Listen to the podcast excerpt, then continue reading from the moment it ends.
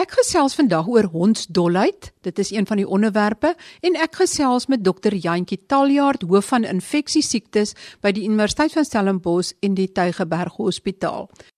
Dokter Taljaard, wat is hondsdolheid? Kom dit van 'n virus af? Hoe kry 'n mens dit? Ja, dit is 'n virus. Dit is 'n rabies virus of die hondsdolheidsvirus. En ehm um, dit word gedra deur wilde diere meestal in die veld In Suid-Afrika word spesifiek gedra deur meerkatte, jakkalse in die westelike dele van die land en dan honde wat meestal die probleem is in die meer oostelike dele van die land. Soos in KwaZulu-Natal en dit is ook dan hoekom daar so gereeld sulke uitbrekings van hondsdolheid is.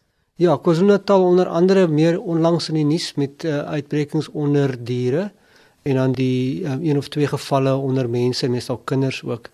Uh, maar ook in die Oos-Kaap, Mpumalanga, Limpopo en daar was selfs eh, 'n uh, paar jaar terug in in Gauteng eh, 'n uh, probleem gewees met hondsdolheid onder diere. Ek verstaan dit selfs iets soos wildsbokke, kudu's dalk ook die virus kan dra. Ja, enige uh, wilde dier kan eintlik maar die virus dra. En uh, dis egter skaars. Hulle moet gebyt word deur 'n meerkat of 'n jakkals of 'n hond en dan kry hulle dit en dan kan hulle dit dra. As honde of ander diere dit kry, lewe hulle egter nie baie lank nie. So hulle word ook maar siek van die virus.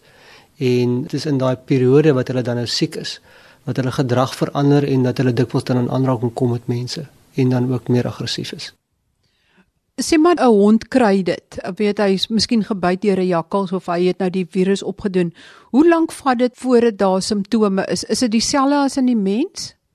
Dit is varieerbaar en selfs ook so in die mens ook varieerbaar. So mens kan nie regtig sê nie, maar meestal hang dit af van die soort besering wat 'n mens kry. Eh, so as die hond 'n goeie byt weg het, dan kan mens maar meestal sê binne 10 dae behoort die hond dood te wees as gevolg van die hondsdolheid as hy dit het. Maar eh, dit kan varieer. Maar ons sal gewoonlik sê na 10 dae is daar nie meer regtig risiko dat die hond dit het na 'n besering nie. As 'n mens dan deur 'n hondsdol dier gebyt word, 'n meerkat of 'n hond of 'n jakkals, hoe kan hy dit kry? Weet, hoe word dit oorgedra? Is dit as dit in die bytslag is, is dit in die speeksel of hoe kom dit binne in jou lyf? Ja, die virus word gedra in die speeksel van die hond of die wilde dier en dit moet dan nou toegang kry tot die senuweepunte in die mens, met ander 'n bytplek of selfs as jy 'n roofie of oop plekjie het en die dier lek daaraan, kan jy ook uh, geïnfekteer word met die virus dit infekteer dan die senuwee spesifiek. En sodoende eh, kan die immuunstelsel nie regtig daarteen veg nie, want die immuunstelsel werk meestal maar in die uh, bloedstroom en in die weefsel. En dan beweeg dit al langs hierdie senuwee paadjie op na die brein toe. En wanneer die simptome van monsterheid word eintlik maar eers teenwoordig as 'n mens uh, dan 'n infeksie van die brein ontwikkel. En dit kan enigiets wissel tussen 'n uh, week of 2 tot selfs langer as 2 jaar. Maar meeste pasiënte sal binne 6 maande presenteer of voordoen met hulle hondstolheid na 'n uh, besering. Maar as jy sê 'n hond sal binne 10 dae dood wees of simptome toon of jy sal weet wat 'n kant toe, maar die mens dalk langer, hang dit af van waar hy gebyt is. Ja, dit hang definitief af. Die mense wat die vinnigste presenteer met simptome is die wat in die gesig gebyt word wat veelvuldige bytmerke het, wat diep bytmerke het, ernstige skade dan gaan jy baie vinnig representeer. Terwyl jy 'n skrapie of so op die been kry wat verder van die brein af weg is op die voet of op die hand wat baie verder van die brein af weg is, kan dit langer neem. Is daar enige iets wat mens kan doen as jy gebyt is en sê maar nou mense toevallig laat toets of die hond ons dolle so jy weet of dit 'n hondsdolle hond is of 'n jakkals wat jou gebyt het? Is daar enige iets wat mens kan doen of sit jy maar en wag? Ja, ek dink jy raak dan twee punte aan. Die eerste is as 'n mens deur 'n dier gebyt word, moet 'n mens altyd uitvind is daar 'n risiko vir hondsdolheid. Dis die eerste ding. En, en daar's eh, 'n uh, paar dinge waarna mens kan kyk. Is die hond ingeënt teen hondsdolheid? Met ander woorde, dit maak die risiko baie laag. Het die hond abnormale gedrag getoon? Met ander woorde, is dit 'n gewone makhond wat eintlik vriendelik is en vandag is hy net heeltemal uh, aggressief gewees en het sommer net enigiemand gebyt met ander abnormale gedrag getoon. As dit 'n wilde dier is, wilde diere is gewoonlik bang vir mense. Sal nie sommer op die werf loop nie. Dis veral mense wat op plase woon, die jakkals gaan nie sommer daar op die op die werf aangeloop kom nie. As dit die geval is, is abnormale gedrag vir 'n wilde dier en dan is die risiko hoër dat hy miskien nou hondsdolheid kan hê. So dis die eerste ding, is daar 'n risiko net net deur na die situasie te kyk. Dan as dit onseker is, moet 'n mens maar altyd gaan en vir mediese raad vra want dit moet voorkom word dat jy dan nou infeksie kan kry. So daar's twee dinge, jy moet gaan vir mediese hulp dat daar 'n besluit geneem kan word of jy 'n inenting moet kry of nie. Wat ons nou noem nablootstellings um, inenting om die infeksie te voorkom as die dier infeksie sou gehad het. Die ander is as jy die dier kan doodmaak, dan is meestal 'n wilde dier wat mense dan nou sal doodmaak en dan wegstuur vir toetse om te weet of jy moet aangaan met jou immunisasies want die immunisasies moet op gereelde tye gedoen word na blootstelling. Dis nie net 'n enkele immunisasie nie. So dan kan die ehm um, veeartsenykundige dienste die dier se brein toets vir, vir ons toelaat. As dit positief is, dan gaan jy aan met jou voorkomingsvaksinering. As dit negatief is, kan jy natuurlik dan stop, dan was daar nie risiko gewees nie. Ehm um, as dit natuurlik 'n hond is, is dit nou 'n bietjie moeiliker as jou troeteldier is om sommer net die hond dood te maak. So dit hang maar af van die hond se toestand. As die hond duidelik siek is en so aan, dan kan dit dan die hond uitgesit word en getoets word. As die hond andersins normaal lyk, like, dan sal mens hom in kwarantyne plaas en oor 10 dae observeer en as hy nog steeds alright is na 10 dae dan sal jy weet dat hy onwaarskynlik ons toelaat het. As hy sou siek word in daai tyd sal ons hom uitsit en dan toets vir ons toelaat. En sodoende weet jy of jy moet aangaan met jou immunisasie. So dis die eerste komponent om te bepaal of daar 'n risiko is. Die tweede ding is yes, daar is definitief iets wat mens kan doen. En dit is die voorkoming na 'n bytfonds. So die bewustheid van dit wat 'n enige dier ons toelaat kan hê en dat jy dan bewus is dat jy moet gaan vir hulp want mens kan dit voorkom. As die infeksie eers die brein bereik het, is daar niks wat 'n mens daaraan kan doen nie. Hoe effektief is hierdie vaksines of immunisasies wat mens gee? Kan dit in alle gevalle voorkom dat dit die brein bereik of is daar gevalle wat mens eh, niks aan kan doen nie? Dit is meestal effektief en nou praat ek van meer as 90% effektief. Daar is natuurlik gevalle waar die vaksin nie so effektief is en daar's dan ook redes daarvoor. Of as 'n mens te laat gegaan het vir mediese sorg, dan wou jy daar tot weke gewag het voor jy gegaan het vir mediese sorg, of as jy nie jou hele kursus voltooi het nie wat oor 'n tydperk van maande duur, dan kan dit ook wees dat daar dan nou ehm um, nie genoeg vaksin gegee is nie en dan tweedens as die doserings wat gegee is aanvanklik nie die korrekte doserings vir die gewig van die persoon is nie, kan dit ook lei tot 'n uh, infeksie ten spyte van die vaksinering. So daar's 'n paar redes hoekom dit kan gebeur. Ehm um, daar's twee verskillende vaksinerings wat gegee word. As iemand ingespuit word rondom die wond self van die bytmerk en dan een wat sommer net in die arm of in die buik gegee word as 'n algemene vaksin. So dit albei moet gegee word in hoë risiko gevalle. Sê maar mens kry nie die vaksin nie. Kruip die virus nou al met die senuweeselle op tot in die brein en wat gebeur dan in die brein? Dit veroorsaak 'n uh, inflammasie van die brein wat ons noem enkefalitis. En is natuurlik vreeslik baie oorsake vir enkefalitis, maar hierdie is een van hulle dit is onbehandelbaar. So dis maar net 'n basiese inflammasie van die brein. So mense sal ehm um, voordoen aanvanklik met met non-spesifieke simptome van koors en moegheid en hulle mag oor rondom die buitplek ook baie jeukerigheid hê en selfs uh, naaldenspelige gevoel rondom die buitplek. En dan met tyd soos wat die soos wat die virus dan nou nader aan die brein kom en in die brein infekteer, dan gaan die persoon irriteerbaar raak, hulle kan depressie ontwikkel, uh, angstigheid ontwikkel en wat dan la, later so erg kan word dat hulle slukprobleme kan ontwikkel en baie speeksel produseer wat dan nou tipies is vir die toestand dat hulle later ook glad nie meer kan sluk nie en natuurlik ook baie dors is net water wil drink. Mense dink altyd aan ons dolheid as hy raak mal as hy water sien. Maar is dit soort van hierdie oormatige speekselproduksie en dat mense kan sluk nie maar jy's eintlik dors? Dit ons noem dit hidrofobie. Hulle is bang vir water, maar daar is natuurlik ook hierdie punt van dat hulle ook dan nou nie kan sluk nie. En so is maar 'n kombinasie van daai dinge en dat die enkefalitis, die brein wat swel, die brein wat 'n uh, inflammasie het, uh, maak jy natuurlik deurmekaar met met snaakse gedrag en jy het die erge angstigheid en mense kom half dol voor, dis waar die naam vandaan kom ons dolheid, maar dis maar net 'n inflammasie van die brein. Maar die boodskap is dat Dis die belangrikste om dit te voorkom deur jou diere te laat inent teen hondsdolheid en dan as jy dalk gebyt word en daar's enigsins 'n vermoede dat jy so gou as moontlik met hierdie immunisasies na die dokter toe moet gaan sodat dit kan begin. Het dit heeltemal reg. So dit is definitief mens moet so ver as moontlik probeer om altyd jou diere te immuniseer. Dit is natuurlik nie altyd moontlik nie. Daar's baie informele areas waar honde wild rondloop en so en daar doen die departement van gesondheid en veeartsenykunde 'n groot werk om inentings te doen uh, met tye gedoen hulle massa inentings in informele areas om seker te maak dat er, vir alles daarvan die diere positief getoets word in daai omgewing. Sodat hulle in daai areas ingaan en en honderde tot duisende diere inent uh, in 'n omgewing. So dis belangrik inenting vir die diere en dan tweedens die bewustheid en die dat daar wel in Suid-Afrika en enige deel van Suid-Afrika ons tot dit kan voorkom en as daar 'n verdagte besering plaasvind en soos ek gesê het selfs 'n lekplek aan 'n oop wond kan aanleiding gee daartoe dan moet daar mediese hulp gesoek word om te kyk of dit nodig is om dit verder te neem of nie ek dink veral belangrik is dit kinders is is 'n hoë risiko want kinders het 'n natuurlike affiniteit vir diere en vir honde en vir wilde diere en hulle sal naïewelik nader gaan as daar 'n dier na hulle toe kom en word dan makliker ook gebyt. Kinders is ook natuurlik meer hardhandig met diere en kan dan ook makliker gebyt word. So kinders is die hoë risiko en as jy kyk na die um, gevalle wat in Suid-Afrika was die afgelope 10 jaar is dit by verre die meerderheid is kinders wat gebyt word en wat dan natuurlik um, ehm, eventueel 100% mortaliteit het. So daar's nie 'n behandeling vir die toestand nie mense eindig gewoonlik op in 'n in 'n intensiewe sorg eh, en, en en dan is dit maar so dis maar dis maar 'n kwessie van om 'n diagnose te maak en daar's net geen maandrang daarvoor nie. Ek het eers gelees dat 'n vlermuis al iemand gebyt het en toe die persoon ons dolheid gekry. Ja, vlermuise is definitief 'n groot bron van onsheid en natuurlik omdat die mense en die vlermuise baie interaksie het nie, is dit nie regtig 'n groot risiko vir mense oor die algemeen nie. Maar wêreldwyd is is daar al verskeie monsteroid-agtige virusse geïdentifiseer wat presies dieselfde siekte veroorsaak en ook um, universeel lei tot afsterf.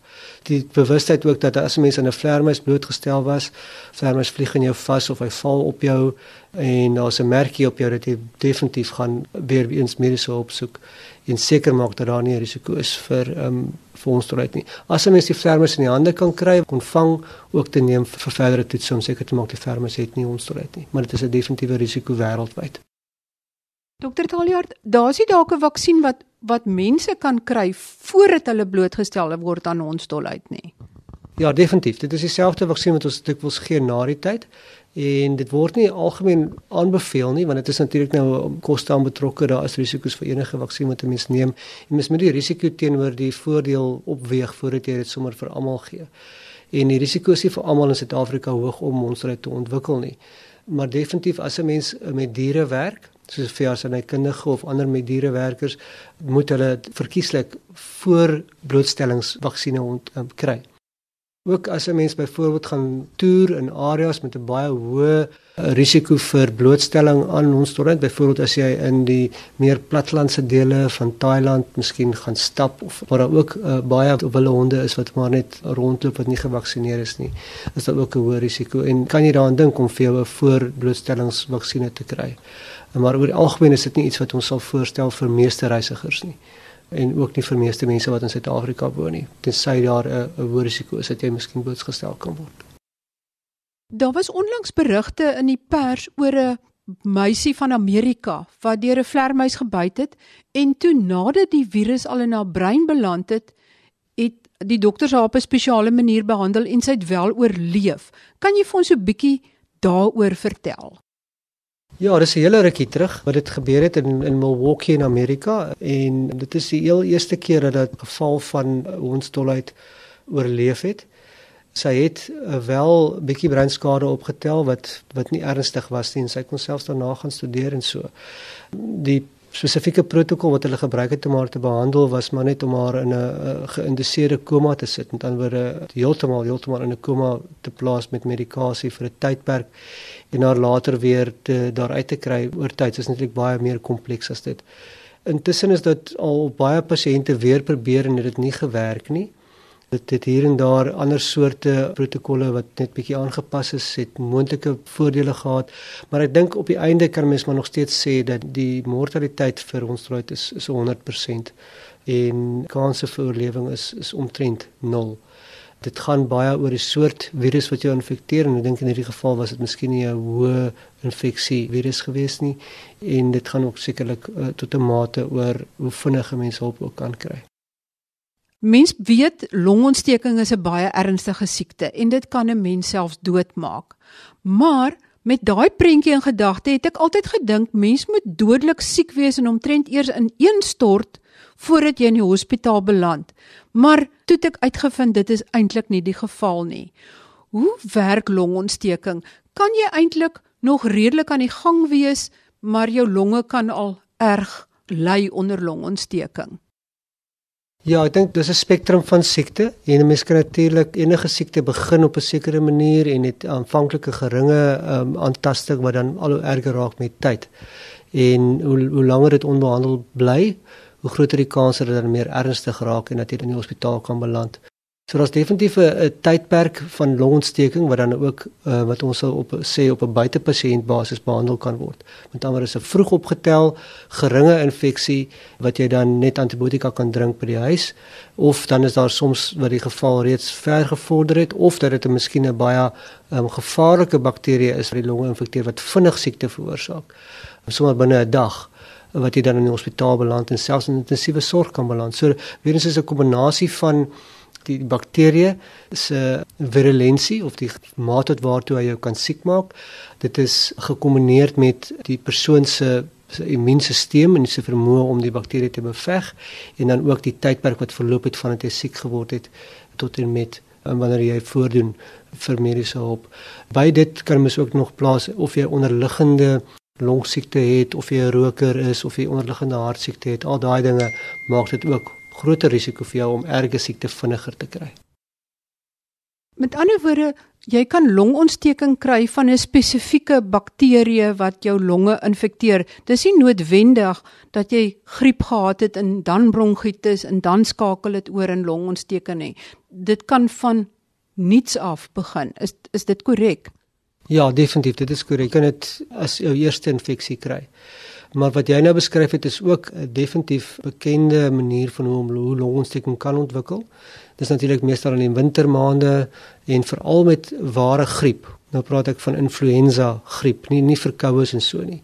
Is daar 'n definitiewe verhoogde risiko vir die ontwikkeling van van longontsteking deur 'n bakterie wat ons dan 'n sekondêre bakterieële infeksie sal noem. Met ander woorde, is eers die virusinfeksie deur die griepvirus wat dan gevolg word deur 'n bakterieële infeksie gewone verkoues en swaar met 'n bietjie bronchitis is baie selde dat dit sal lei tot longontsteking in iemand wat gesond en relatief jonk is, maar daar is 'n 'n verhoogde risiko ook in persone met onderliggende longsiekte het soos byvoorbeeld emfyseem of kroniese hartversaking het. Maar hulle kan dan ook nou makliker longontsteking ontwikkel en dan ook ernstige longontsteking. Word longontsteking in alle gevalle deur 'n bakterie veroorsaak? Is dit 'n bakterieële siekte of kry mense 'n virus wat dit ook kan veroorsaak? Ons sal algemeen meestal van bakterieë praat. Dit is meer die algemene manier, maar met uitsondering kan 'n mens byvoorbeeld griep kan self op sy eie eh, 'n uh, longontsteking veroorsaak wat dan meestal baie ernstig is en dit dikwels die oorsaak is waarom mense miskien um, kan doodgaan van griep. Maar oor die algemeen praat ons maar van bakterieële infeksies as ons van longontsteking praat maar natuurlik baie virusse kan as 'n atipiese presentering ook voordoen met met longontsteking, maar dit dit, dit noem ons nie noodwendig longontsteking nie. Hoe besluit julle op watter antibiotika om te gebruik? En is dit dan as die pasiënt in die hospitaal opgeneem word, is dit meestal omdat hy dan dit eintlik binneaars moet kry of 'n drip met 'n antibiotika? So ons besluit op die soort antibiotika op grond van wat die mees waarskynlike organismes is of bakterieë is wat die infeksie kan veroorsaak. Ons deel pasiënte veral op in twee groepe, die wat blootgestel is in die gesondheidstelsel en wat opgeneem is reeds in die hospitaal, miskien vir iets anderster. So hulle ontwikkel 'n hospitaalverworwe longontsteking en dan die persone wat by die werk was, wat buitekant uh, by die huis is wat longontsteking ontwikkel, dit is 'n gemeenskapsverworwe 'n longontsteking. As jy 'n gemeenskapsverworwe longontsteking het, is die organismes wat meestal die longontsteking sal veroorsaak redelik sensitief teenoor die basiese antibiotika wat ons voorskryf. So ons sal dan 'n basiese antibiotika soos amoxicillin voorskryf vir 'n longontsteking want die organismes, veral Streptococcus wat dit veroorsaak, is baie sensitief teenoor amoxicillin. Terwyl as dit 'n hospitaalverworwe infeksie is, meestal is daar weerstandige organismes in die hospitale teenwoordig wat nie gaan reageer op amoxicillin nie. Ons moet hoër breër spektrum antibiotika gebruik en dit ook intraveneus gee meestal. So dis die een manier waarop ons besluit en dan jy's reg. As 'n mens siek genoeg is, moet jy opgeneem word in die hospitaal. As jy 'n hoë koors het, jy het 'n um, baie vinnige hartklop, uh, miskien jou bloeddruk wat selfs 'n bietjie afgaan, jy sukkel om asem te haal, jy kry nie genoeg suurstof in die in die longe nie, dan definitief word jy opgeneem in die hospitaal en jy word binne aardse antibiotika gegee. Dit sal die rede wees vir opname op in die hospitaal, maar soos ek vroeër gesê het, daar's 'n spektrum van siekte. Baie mense kan huis toe gaan met antibiotika wat hulle maar net die tablette kan drink of die kapsules as hulle nie so erg siek is nie. Daar is ook kriteria wat ons gebruik om te besluit wie bly in die hospitaal en wie kan huis toe gaan. Dokter Taljaard, kan jy ook vir ons vertel wat is die nuutste sienings oor die gebruik van antibiotika? Ek het verstaan dat eh, dit nie noodwendig is van gebruik dit vir 5 dae en maak die kursus klaar nie, maar dat dit eerder 'n aanslag is van slaan hard en slaan vinnig. Geld dit byvoorbeeld vir iets soos longontsteking? Ja, definitief. Mens moet versigtig wees as mens hierdie ehm um, as ons dit sommer net sê dat 'n mens drink nou maar net die pille totdat jy beter voel en dan stop jy. Ek dink sekere infeksies het 'n sekere duur van behandeling nodig, maar ons gaan definitief deesdae vir die korter duur vir behandeling gaan. So as ons in die ou dae gesê het jy drink jou kursus van 10 dae, weet ons nou dat sekere infeksies, byvoorbeeld soos 'n geringe longontsteking, kan mens vir 5 dae um, medikasie gebruik. Uh, daar is 'n geringe risiko dat as jy mens te vroeg ophou, dat die infeksie nog nie heeltemal onder beheer is nie en as jou immuunstelsel nie sterk is nie, dat die infeksie kan terugkom. Maar as jy oor die algemeen 'n gesonde persoon is met 'n sterk immuunstelsel, dan is 'n korter behandelingsduur definitief uh, vir jou. Maar as jy byvoorbeeld iemand is met immuunonderdrukking, onderliggende longsiekte en hartsiekte soos ek gesê het vroeër, dan sal mens liewerster gaan vir die in plaas van die 5 dae miskien vir 7 dae se behandeling tot jy seker is iemand is oor dit. So is baie die dokter se besluit op grond van die kliniese presentering oor hoe lank die behandeling gaan nodig wees. Dit gaan ook oor hoe vinnig jy reageer op die antibiotika. Ehm um, as mens onmiddellik binne 'n dag beter is en jou koors is af, dan gaan mens ook gaan vir die korter duur van behandeling vir daai spesifieke infeksie. Sommige infeksies het weke se behandeling nodig, soos byvoorbeeld 'n hartklepinfeksie of 'n infeksie in die been self. 'n meningitis of 'n breinvliesontsteking het ook langer behandeling nodig, ten minste 'n week tot 2 weke se behandeling. So dit hang af van die soort infeksie, hoe jy reageer daarop of jy enige ander siektes bykomend het of jou immuunstelsel sterk is. So mens kan nie net sommer sê ag kort vir almal nie. Sommige mense kan korter behandeling neem, ander mense 'n bietjie langer en dit is maar jou dokter se besluit. Kan mens enige iets doen om longontsteking te voorkom? Ja, dit is baie um opwindende nuwe van die nuut nie sal eintlik ou uh, kennis wat ons het maar wat nou al hoe meer in Suid-Afrika 'n uh, groot ding raak met baie meer bewyse dat dit die moeite werd is en dit is om die pneumokokale inentings te gee. Veral ons doen dit nou as deel van die nasionale inentingsprogram vir kinders kry die babas en jonger kinders pneumokokale uh, inenting wat hulle dan, dan sal beskerm teen longontsteking maar ook teen breinvliesontsteking. En daar is nou ook goeie bewyse dat die inenting van die kinders daartoe lei dat die volwassenes minder pneumokokale meningitis en 'n longontsteking ontwikkel vir al die ouer mense. So daar is ook dan nou ook 'n aanbeveling wat nog nie in Suid-Afrika gedoen word nie as gevolg van koste, maar dit kan definitief in die privaat sektor gedoen word. Is dit mense met 'n hoë risiko vir erger longontsteking, byvoorbeeld soos die persone met emfiseem, kroniese hartsiektes of mense wat immuunonderdruk is as gevolg van die medikasie wat hulle gebruik of miskien HIV positief is, dat hulle dit ook kry as volwassenes. Dit word aanbeveel dat ouma se elke 5 jaar 'n booster moet kry van die pneumokokale vaksin en dit is definitief ietsie wat lei tot verlaagde voorkoms van van longontsteking en meningitis en tot verlaagde hospitalisasie en mortaliteit. So dis 'n groot ding wat ek dink te min mense bewus is van dat dit voorkom kan word veral in die hoë risikogroepe soos ek genoem het. Bykomstig tot die pneumokokale vaksin uh, of inenting is daar natuurlik ook die grieppinenting wat uh, veral weer eens vir die hoë risiko persone gegee moet word omdat ons weet dat griep is 'n risiko vir die ontwikkeling van bakterieële longontsteking. So as jy griep kan voorkom, dan kan jy ook longontsteking voorkom. My gas was dokter Jantjie Taljaard, hoof van infeksiesiektes by die Universiteit van Stellenbosch Mediese Skool en die Tygerberg Hospitaal. Ons is nou by week 9 van ons doen dit net aksieplan. Week 9 se kopplan.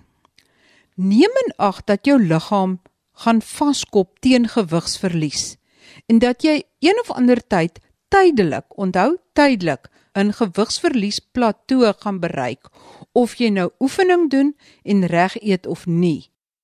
Dis net jou liggaam se rekenaar, jou brein wat besig is om te reboot, om gewoon te raak aan die nuwe gewig en dit as sy normaal te herprogrammeer.